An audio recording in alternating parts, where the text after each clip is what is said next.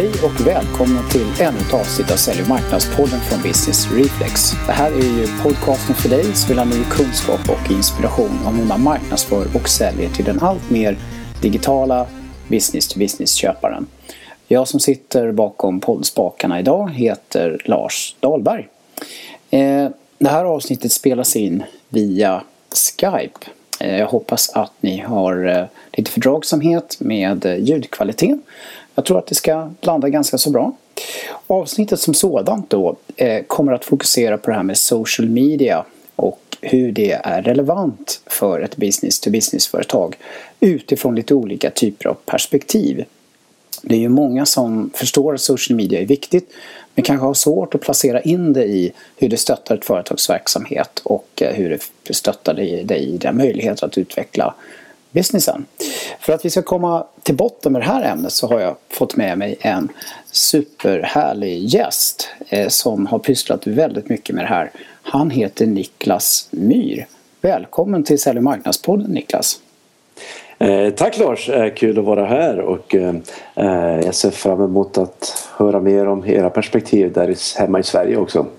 Ja precis, för du har ju faktiskt en, en eh, riktigt lång amerikansk historia bakom dig kopplat till det här eh, ämnet. Eh, du kanske skulle ta och berätta lite för, för oss hur det kommer sig att du är borta i USA och pysslar med social media och B2B marketing. Ja, den korta versionen är väl att jag efter Eh, plugga i Linköping industriell ekonomi så har jag eh, blivit, eh, kommit i kontakt med B2B marketing först och främst. Eh, det fanns många ledande marknadsföringsgestalter där som var kopplade till den här europeiska nätverksteorin som var rätt tidig och pratade om hur B2B handlar om långsiktiga relationer i komplicerade nätverk långt innan sociala medier och så vidare. Så de, de intressena grundades väl där samtidigt som jag i Stockholm jobbar med, först som datakonsult några år på Eh, Entradata som köptes av Intensia senare av Lawson. Och sen eh, tyckte jag att det var för långa att göra listor som datakonsult men IT-intresset har alltid funnits där och kopplade till eh, marknadsföringens värld. Men eh, efter det så blev det IFL, jag jobbade på med chefskurser och skrev praktikfall och åkte eh, runt världen och intervjuade chefer på höga företag om deras huvudverkar och många av de problemen handlar ju om det här sociala, inte det tekniska utan det handlar om mänskliga relationer, nätverk, vem är det som har makten, vem är det som har inflytande och vem är det som har formell beslutsrätt. Och Eh, det var ju någonting som fascinerade mig så till en grad att eh, jag lät mig inspireras av en fransk mentor jag hade att eh, söka ett doktorandprogram i Virginia där IFL hade ett samarbete och, eh, med chefskursverksamhet och började jobba med Robert Speckman som en av de ledande nordamerikanska B2B-forskarna som eh, skrev om Global Supply Chain Partnerships och i den vevan så Eh, blev jag intresserad av de här eh, IT-frågorna med första dotcom-bubblan som blåste upp då i slutet av 90-talet och eh, såg ju att det här kommer ju ha en stor inverkan på relationer som när man inte har möjlighet att träffas i det fysiska livet, att hålla kontakten däremellan och, och börja koppla in det i min undervisning. Och sen 1999 tror jag var första gången jag undervisade om internet marketing åtminstone som en modul i min marknadsföringsklass. Och sen dess har jag inte släppt det utan det tyckte det var fascinerande fascinerande att följa utvecklingen sen också sociala medier och när Youtube var nytt var det en stor grej i min klass. Så jag, han, jag trivs bra i universitetsmiljö. Så sen tio år tillbaka så är jag på Chapman University i södra Kalifornien. Och det, relativt litet men satsande universitet och eh, man får göra lite grann eh, egna initiativ är välkomna som att utveckla min kurs i sociala medier och marknadsföring. var jag ganska tidig med det och det eh, tycker de är bara kul att försöka koppla ihop det med hur, traditionella klasser också. Men att Eh, Eh, så mitt jobb är i princip att hålla mig uppdaterad om vad som händer i verkligheten. Och I den vevan har jag även rätt mycket kontakt med Sverige och arrangerar en reskurs varje sommar. Business in Scandinavia. Vi åker runt till Sverige, Norge, Finland och Danmark i olika kombinationer och besöker företag, stora som små och marknadsförare eller eh, andra Eh, fokus, eh, fokusområden som Ericsson och ABB och eh, Volvo men även mindre företag och Spotify och hälsa på marknadsförare som dig. Det, det handlar lite grann om att intresset för marknadsföring det är någonting som sitter kvar där. Men även Sverige. Det händer ju mycket spännande saker där. Ja, du, du, visst, du titulerar ju lite också social media-professorn, eller hur? För du har ju bedrivit väldigt mycket undervisning inom det här området om jag förstår det hela rätt. Ja men det stämmer och det är väl någonting som eh, eh, jag tyckte eh, var när folk började kalla mig det, studenterna, så tyckte jag att det kan vi köra på. Och sen eh, det var faktiskt bara för något år sedan som jag registrerade thesocialmediaprofessor.com som jag började köra med. Eh, men att Eh, Eh, det var någonting som eh, under niklasmyr.com som min hemsida, personliga hemsida så, så när den började rankas högt på Google så nummer ett när folk googlade social media professor så var det någonting som jag insåg hade väldig kraft. Det, det var ju konferenser och eh, media som BBC som ringer och intervjuar mig om sociala medier och då var det någonting som då hade jag ju två alternativ att säga ni har ringt fel eller också börja svara på frågorna. ja, precis. Jag tycker det är så härligt med dig att du verkligen är här, eh, båda fötterna i den här eh, marknadsföringsingenjörsmyllan från Linköping.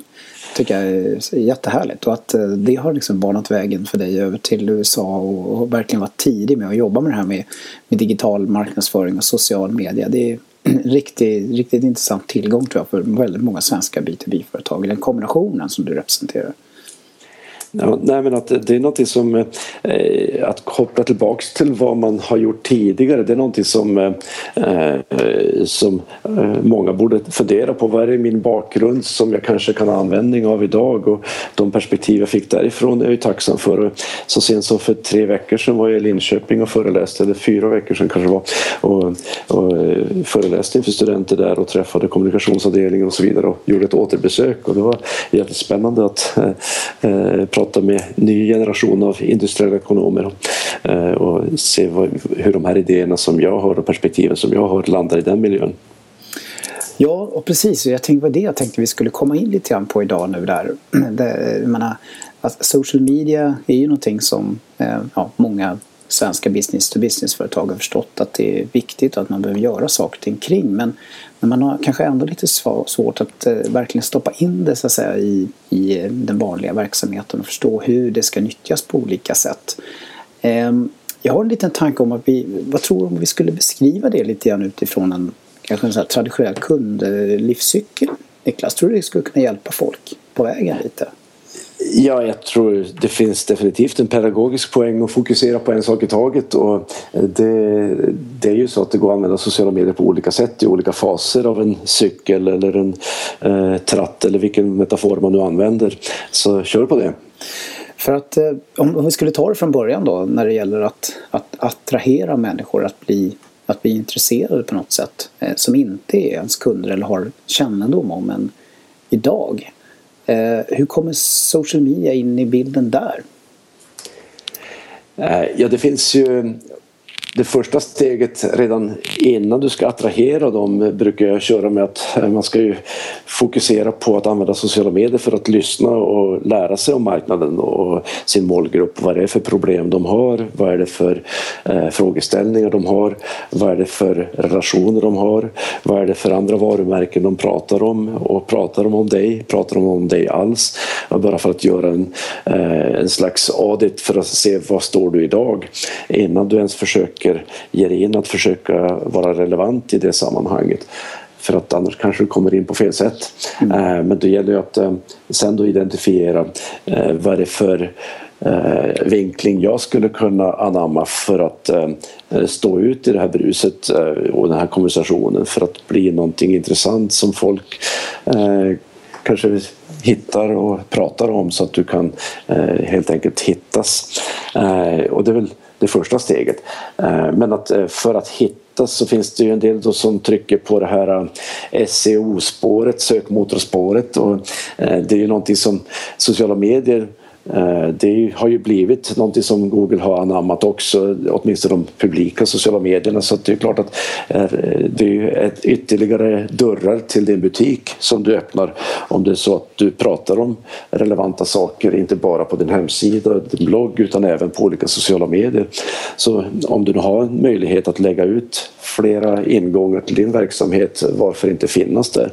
Eh, så det är väl ganska eh, ganska viktigt att identifiera vilka nätverk som är relevanta då för din målgrupp. Men att om det nu visar sig att det är många som hänger på Youtube och söker på Youtube och inte ens går till Google då kanske du måste finnas på Youtube eller på Twitter och så vidare.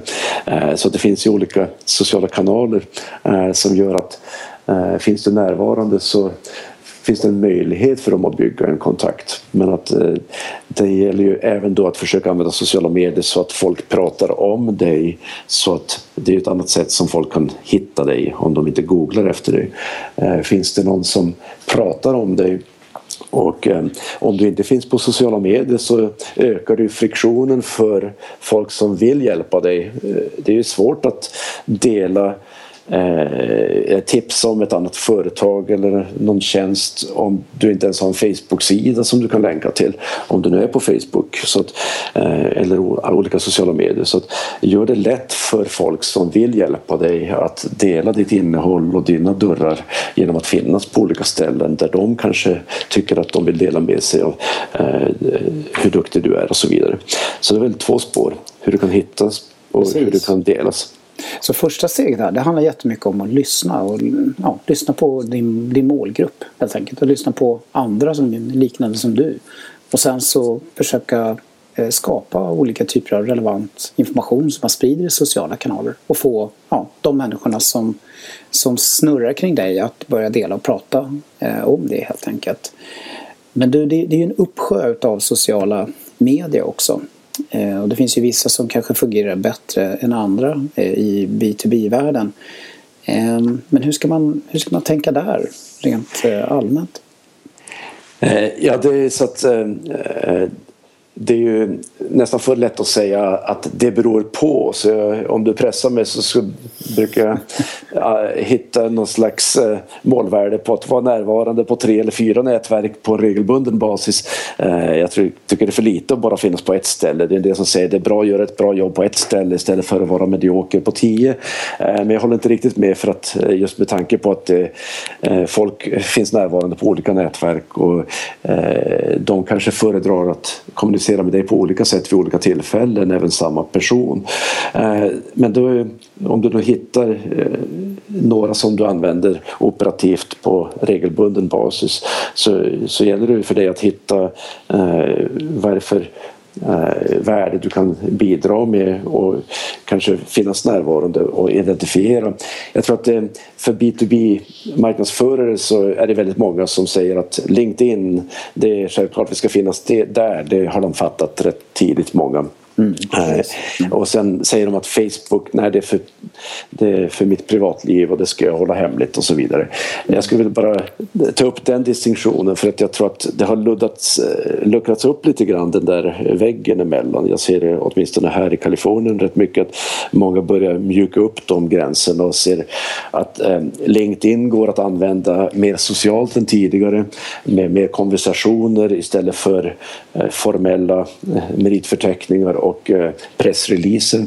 Eh, Medan Facebook går att använda på ett mer professionellt sätt så att det blir lite, det är inte 100 privat och personligt och 100% professionellt å andra sidan. Utan att man kan vara kanske tyngdpunkten på det yrkesmässiga på LinkedIn och, eh, men även ha en personlig ton. Du kanske inte går in och pratar om, eh, pratar om eh, din barbecue i helgen men att eh, du ändå har en mer konversation, eh, konversationsansats. Så att jag tror att eh, eh det är väl ett sätt att angripa det på. Men sen känna efter vad som funkar. Vad, vad är det för något? Du måste ju funka både för presumtiva kunder eller existerande kunder men även för dina anställda. Vad är det för plattformar som de är komfortabla på redan idag? Varför inte börja där och försöka använda sig av de anställda också? Precis, och det blir ju sådär att eh, jag, jag, tror jag håller med dig. Att jag, tror, jag tror att Facebook är så enormt stort också. Att, eh, att det blir viktigare och viktigare utifrån ett B2B-perspektiv. Ehm, och sen kommer ju det här med Twitter in också som en, en kanske tredje plattform att, att eh, eh, jobba med också. Eller hur ser du på det? Eh, ja, det är ju många som pratar om eh, Twitters eh, nedgång och eventuella fall.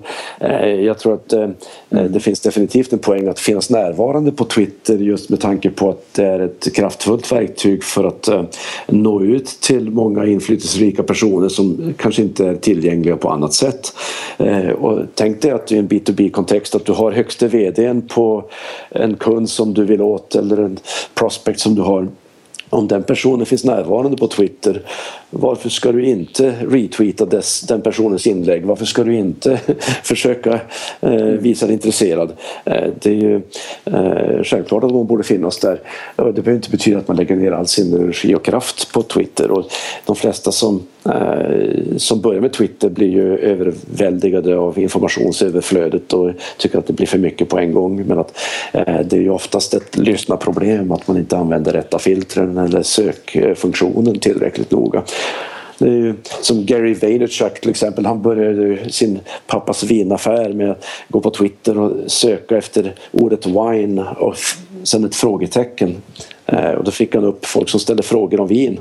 Och då kunde man använda det proaktivt och gå ut och se det är folk som har problem med vin här och vill veta vad det är för vin man ska dricka till lamm och så vidare. Och så gick han ut och svarade på de frågorna. Och Ja, det gjorde så. business på det. Precis.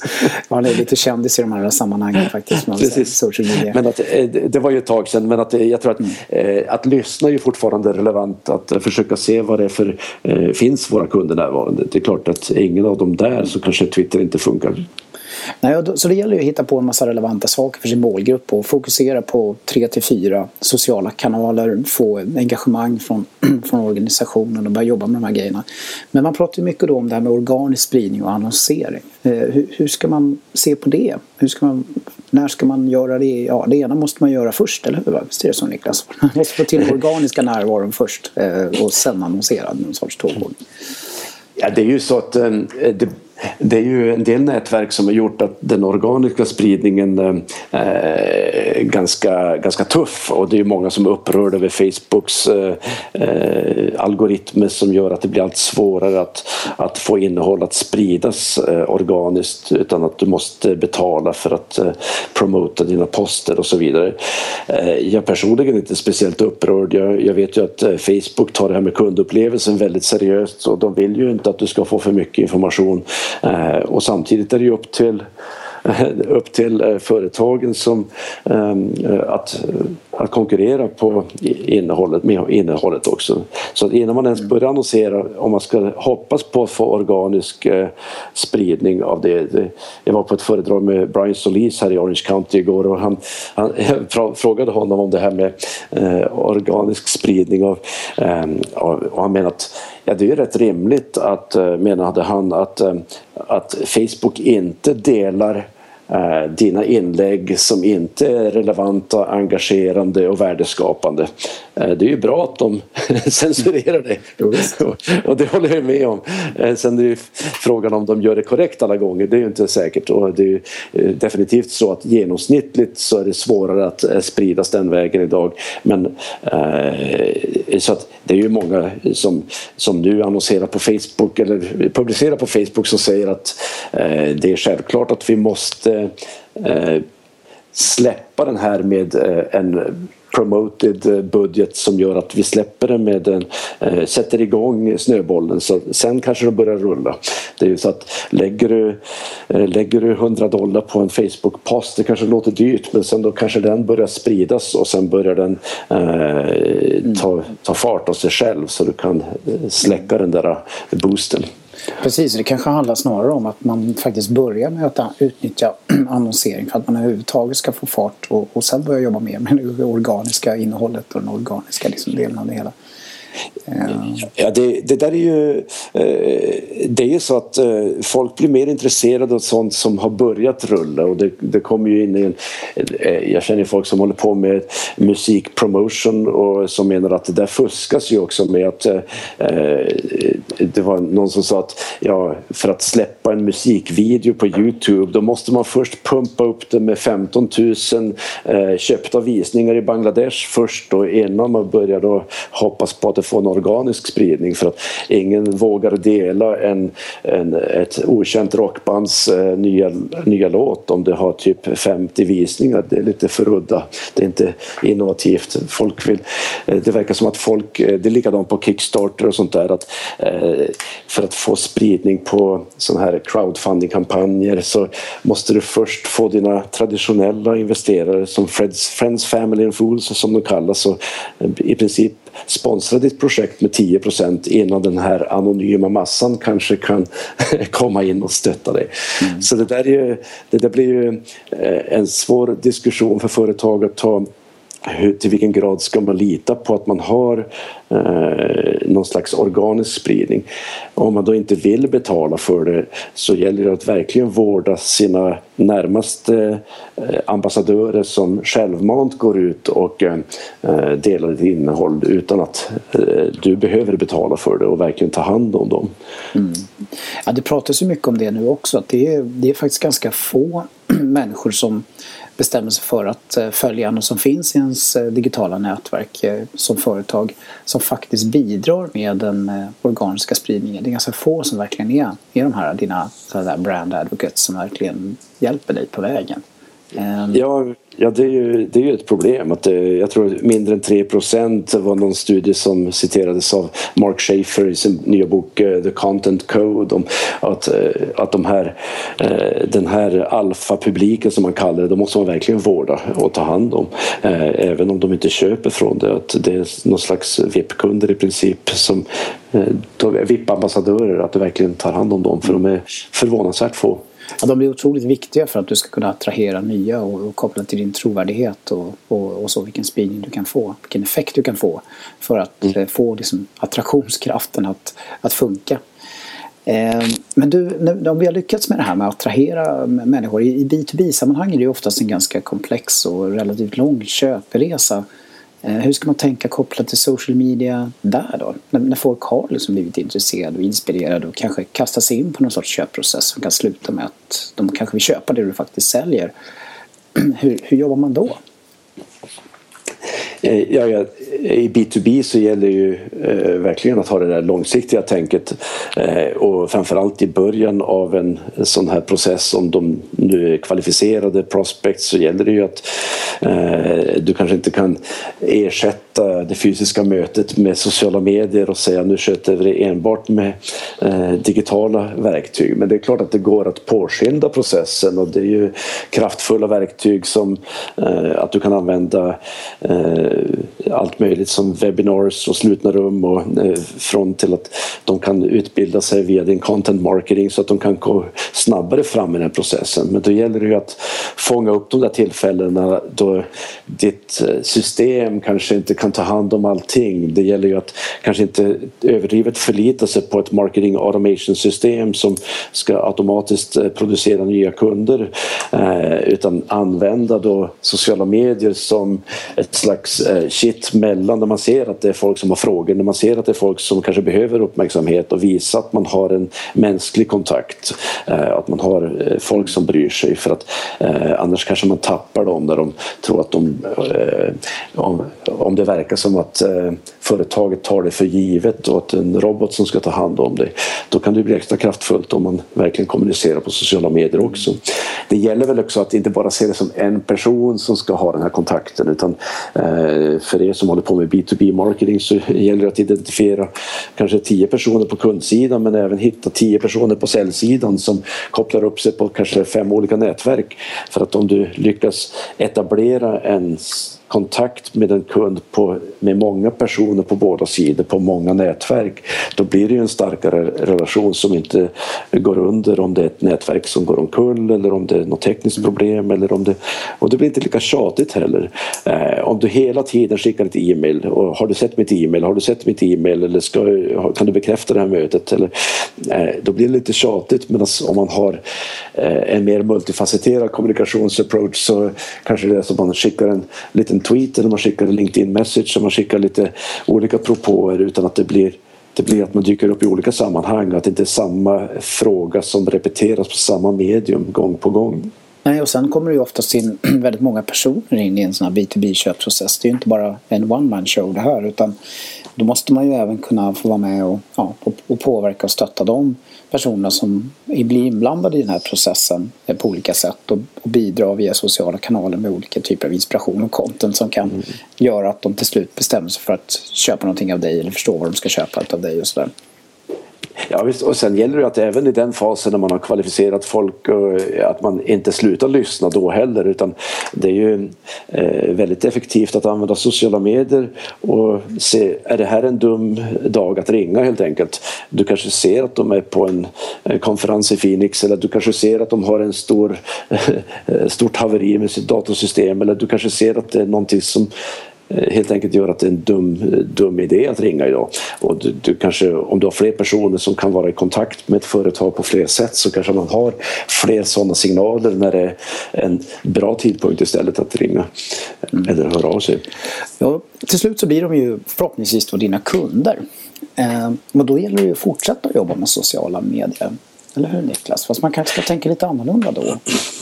Eh, ja, man kan ju säga att man kan byta ut det där ordet till slut som du använder. Det är ju, eh, det är ju en trend att det blir fler som erbjuder sin produkt gratis. Det har ju funnits länge eh, att man prövar produkter men att det, just det där att man ser första köpet som början på någonting, inte som slutet på någonting. Så, mm. Så det, det, är klart att det är slutet på den första köpprocessen eh, men att, eh, att, att verkligen se det som fortfarande bara början. Kanske slutet på början det mm. första köpet. Eh, och då, eh, då tar det ju vid en helt ny fas och då ser man ju att det allt vanligare att investera tid och pengar eller energi på eh, onboardingprocessen som det kallas. Jag vet inte vad det heter på svenska. Eh, mm. Ja, nej, men alltså när man ska uppleva det man har köpt. ja, just det. Så att eh, se till att, eh, för att de första 30 dagarna är ju ofta kritiska och för det första så är 30 dagar returrätt så vill inte att du kommer tillbaks med systemet eller produkten och för det andra när du väl har köpt så har du ju folks uppmärksamhet. Eh, och sannolikheten att de ska börja använda produkten är ju väldigt stor just då. Så det gäller att haka på det och se till att eh, ett företag eh, verkligen kommer igång på rätt sätt så att det blir ett första intryck. Inte bara för den personen som köpte det utan tänk dig en B2B-köpare. De tar ju en risk om de köper en dyr komplex produkt eh, och ska komma med den. Och eh, om första intrycket blir att ingen vet hur man ska installera den eller använda den eller koppla upp den mot andra system så kanske det blir eh, associerat med en huvudvärk som ingen vill ta tag i. Nej, det är ofta så i B2B att det blir ganska tufft införande projekt när man ska börja använda de här rätt halvkomplicerade sakerna man faktiskt har köpt.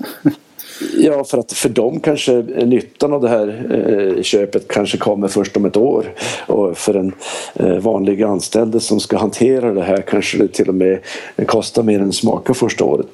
Någonting som jag tycker man ser rätt sällan i B2B det är det här när någon precis har köpt. Att man via sociala medier liksom talar om jag har köpt. Det ser man ju mer i i B2C-situationer. Att jag har köpt en GoPro-kamera så talar jag om det för hela världen att nu har jag en GoPro-kamera. Men, men i B2B-köp så utnyttjar man inte sociala medier kopplat just till, till det. Eller, eller Nej, jag, jag tror att du är inne på något eh, som, eh, Eh, som eh, definitivt är outnyttjad potential för att det, det de flesta B2B-marknadsförarna gör det är ju att eh, det är klart att det finns folk som bryr sig om att de ska komma igång rätt och göra någon slags onboarding och så vidare men sociala mediemässigt så kanske de dokumenterar eh, några testimonials eller vittnesbörd om hur duktig du är fast de producerar det på ett sätt som blir någon fin videosnutt som kommer ut kanske ett halvår senare eller ett år senare när de har vis, fått resultat av sin investering. Men eh, det kan ju definitivt vara stort värde att försöka dokumentera den här onboardingprocessen också medan det händer, kanske till och med med livestreaming. Och försöka, för det krävs, krävs att kunden är med på det förstås men att, eh, så, att, så här går det till när vi hjälper företag att komma igång med den här produkten och visa det här behind the scenes lite grann. Mm. Så att folk får en bättre bild över hur kommer det att bli när jag köper det här. Hur kommer det att bli för mig personligen som är ansvarig för köpet? Och jag tror att det är väldigt mycket sådana saker man funderar på du vet, innan man köper en komplex grej i B2B. Hur ska det bli du vet, när jag har köpt och det är lite läskigt. Och, och, och sådär. Att, att kan man göra den typen av grejer med kunder som har köpt så kan det vara väldigt viktigt för sådana som inte har köpt. Ja, visst. Nej, men det, det, sen gäller det ju även då att under de här eh, första dagarna så är det ju eh, det är ju inte bara att det är komplicerat och så vidare. Det är ju ofta då man också har en eh, sån här dissonans då man är osäker på om man verkligen gjorde rätt köp. Eh, och det gäller ju eh, att även finnas där, inte bara som stöd vid praktisk installation utan även som mentalt stöd för att du gjorde rätt köp och kanske skicka, eh, skicka några blänkare om att eh, eh, har du sett den här, vi har vunnit ett pris för att vi är bästa, eh, vi är bästa leverantören av den här typen av utrustning även efter de har köpt. Det är många som slutar med den typen av kommunikation för att de redan har eh, båten i hamn tror de. Fast det, är just, det är just då som en köpare kanske verkligen vill höra det att eh, vidare bekräftelse på att de har gjort rätt. Mm. Ja, sen är det det, det är ju, jag tror att um, många är inne på såklart, det är ju att få sina, de här glada nöjda kunderna att uh, prata om att de är glada och nöjda i, i, sociala kanaler för att det ska inspirera nya kunder att, att förstå att det här kanske kan vara något. Men hur får man egentligen det där att hända och ske? Hur ska man, ja, hur ska man tänka för att få till det där?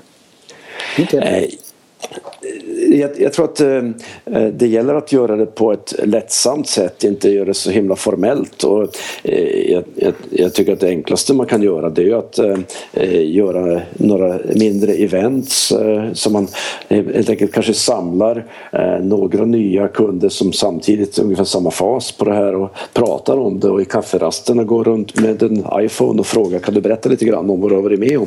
Jag tror inte man behöver den här proffsiga kvaliteten hela tiden utan eh, på alla former av sådana eh, produktioner. För att sen kanske de delar det vidare till sina. Eh, om du får ut den snabbt då i samband då kanske du taggar dem och får dem. Gör det enkelt för folk att dela. Gör det enkelt för folk att eh, sprida ditt, eh, ditt renommé. Ja, på kundevent arrangerar ju väldigt mycket B2B-företag. Får kunderna att träffas där de berätta mer spännande saker för kunderna och verkligen utnyttja de tillfällena eh, att eh, både kunderna och du själv syns i sociala, sociala medier, sociala kanaler är, ett bra tips kan man säga. Ja, det, du kanske inte behöver schemalägga en halv dag för eh, dem separat för att ordna något sånt formellt utan du kanske tar det i samband med det, den kontakt du redan har eller när du är på plats där. Eh, sen incitament för det, det bästa incitamentet är ju förstås att ge en fantastisk service och de vill göra det. Det är ju underförstått men att det, eh, det gäller väl att försöka göra det på ett lättsamt sätt som inte ser så komplicerat ut. Mm. Mm. Ja, jag tror vi, vi har ju nästan varit runt här nu hela hela hjulet Niklas. Det, det finns massor med spännande möjligheter och eh, användningsområden kring social, social media kopplat till hela den här processen. Eh, så att, ja. ja. Nej, sociala medier det är någonting som är väldigt många olika saker för, eh, och det ändras ju hela tiden men att eh, det är väl några principer som, eh, som är allmängiltiga som gör att om man fokuserar på en skapa en nöjd kund och att eh, göra mer business med dem och få dem att sprida det till andra. Eh, det är väl nyckeln till framgång i eh, mycket företagande och att eh, koppla sociala medier till det istället för bara försöka få in dem i en tratt. Du, en grej som det pratas en hel del om men som man ser tycker jag väldigt lite just i Sverige framförallt i traditionell B2B det är att, att man jobbar med personliga varumärken framförallt kopplat till kanske ledningspersoner och ägare och grundare av de här företagen. Eh, de mm. själva inte syns speciellt mycket men det, det är rätt annorlunda mm, faktiskt i USA, är det inte så? Att man ser det mycket mer där. Eh, jo, men eh, det är ju så att eh, chefer för företag som eh, entreprenörer, jag känner som en som driver ett företag som heter Orig Audio eh, som gör sådana här roliga eh, högtalare man kan fälla ihop i papperskartong och så vidare. Eh, eller hänga, hänga på väggen. Men att Eh, han, han menar att han får mycket mer engagemang och spridning om man är själv på Twitter än eh, företagskontot och så vidare. Och, eh, det är ju så att folk Eh, pratar ju med andra människor och det är lite svårare att ha en konversation med ett varumärke. Det är klart att det finns exempel på varumärken som etablerat sig men att jag tror att eh, det är många som missar en möjlighet att även kommunicera eh, genom högste chefen eller andra anställda som är aktiva och kopplar upp sig och pratar med om sitt företag även som privatperson. Och det är väl många som börjar fatta det nu så att försöka få med de anställda på den här resan och att eh, ta en stolthet över var de jobbar. Det handlar ju om employer branding också så att det ska bli lättare att anställa folk om det är folk som visar att de är stolta att jobba där. Eh, och även om det finns vissa förhållningssätt och saker som man kanske inte ska prata om eh, eller smutskasta sina kunder och så vidare. Det är klart att det finns några gränser för vad man får prata om men man får ge upp lite grann det här kontroll över varumärken, att man ska definiera det väldigt tajt utan låta fler språkrör komma till eh, eh, få, få i princip komma ut på nätet. Mm. Och det här är oftast inte så svårt som man eh, skulle kunna tro om man verkligen är de personer som har varit med från början i bolaget och står mycket för bolagets värderingar och, och idéer och, och det, det, det företaget brinner för. Eh, att de kan vara med och vara aktiva och, och liksom ha en passion i sociala kanaler kring de här frågorna. Det är mera en, ja, en beteendefråga och att man är ovan att göra det och att man inte riktigt vet hur man ska göra det än att man inte har egentligen grundförutsättningarna finns verkligen där många gånger. Nej, Nej, men det är en del som menar att en del chefer inte är skapta för att vara sociala eller vara på media överhuvudtaget och det kanske är sant i vissa fall men att man kanske får hitta rätt format. Det är kanske är en del som kanske inte eh, vill personligen hantera sociala mediekonton men då kan man ju göra det i alla fall indirekt. Man kan ju ha eh, i princip då eh, en i staben som följer efter den här VDn och kör lite videointervjuer och lite videoklipp innan de går på stora scenen och, eller hur känns det nu inför och så vidare och dela med sig av den den personens närvaro på något vis som eh, inte är lika eh, broschyrliknande utan mer behind the scenes. Mm. Ja du Niklas, det är härlig kommunikation här med dig kring det här ämnet. Eh, tiden springer ifrån oss lite grann. Jag tänkte höra med dig om du, om du skulle ge något så konkret tips till eh, ja, eh, sådana som ansvarar för att utveckla svenska business to business-företag. Vad, vad, vad, vad, hur bör man göra? Vad, vad bör vara så, så bra tips, bra steg in i det här? Jag var nyfiken först och främst. Häng med, lyssna på Sälj och marknadspodden och se vad som händer. Eh, och eh, Eh, lär dig någonting varje dag. För att eh, även om det är mycket att hålla rätt på så är det ju eh, det är bara att ge sig in i matchen och tycka att det är kul. Och när det kommer ett nytt verk, verktyg, tänk inte åh nej, inte ett nytt verktyg utan tänk vad spännande, något, något nytt att lära mig. Men man kanske ändå inte behöver lära sig om allting nytt men att nyfikenhet, någon timme om dagen, lär dig någonting. Lyssna på ett webbinar, läs någon blogg eller gå på nätverk något event. Det andra är väl att göra Reverse mentoring är ganska stort eh, fortfarande. Eh, efter Jack Welch introducerade på 90-talet på General Electric att alla över 50 var tvungna att äta lunch med någon under 30 varje vecka. Jag tror att det var ungefär så de principerna, jag kommer inte ihåg exakta reglerna. Jag tror att det gäller lika mycket idag men eh, om, om inte ännu mer så är du över 50, hitta någon under 30 och äta lunch med varje vecka eh, och prata om de här sakerna. Och eh, det kanske ja, förhoppningsvis så får den här yngre personen också någonting ut av ditt nätverk och dina insikter om karriär och ledarskap. Eh, och det, sen eh, försök bygga nätverk och tänk inte på att se så perfekt ut utan det är viktigare eh, konversationerna. Så att på LinkedIn till exempel eh, istället för att fila på din perfekta eh, meritförteckning som du lägger upp där. Tänk på vilka personer du ska kontakta. Och slutligen då identifiera kanske 50 till 100 personer i ditt nätverk som du vill vårda extra ömt det här året. Eh, som du håller kontakt med, som du inte glömmer bort, som du försöker hjälpa proaktivt innan de ber om hjälp.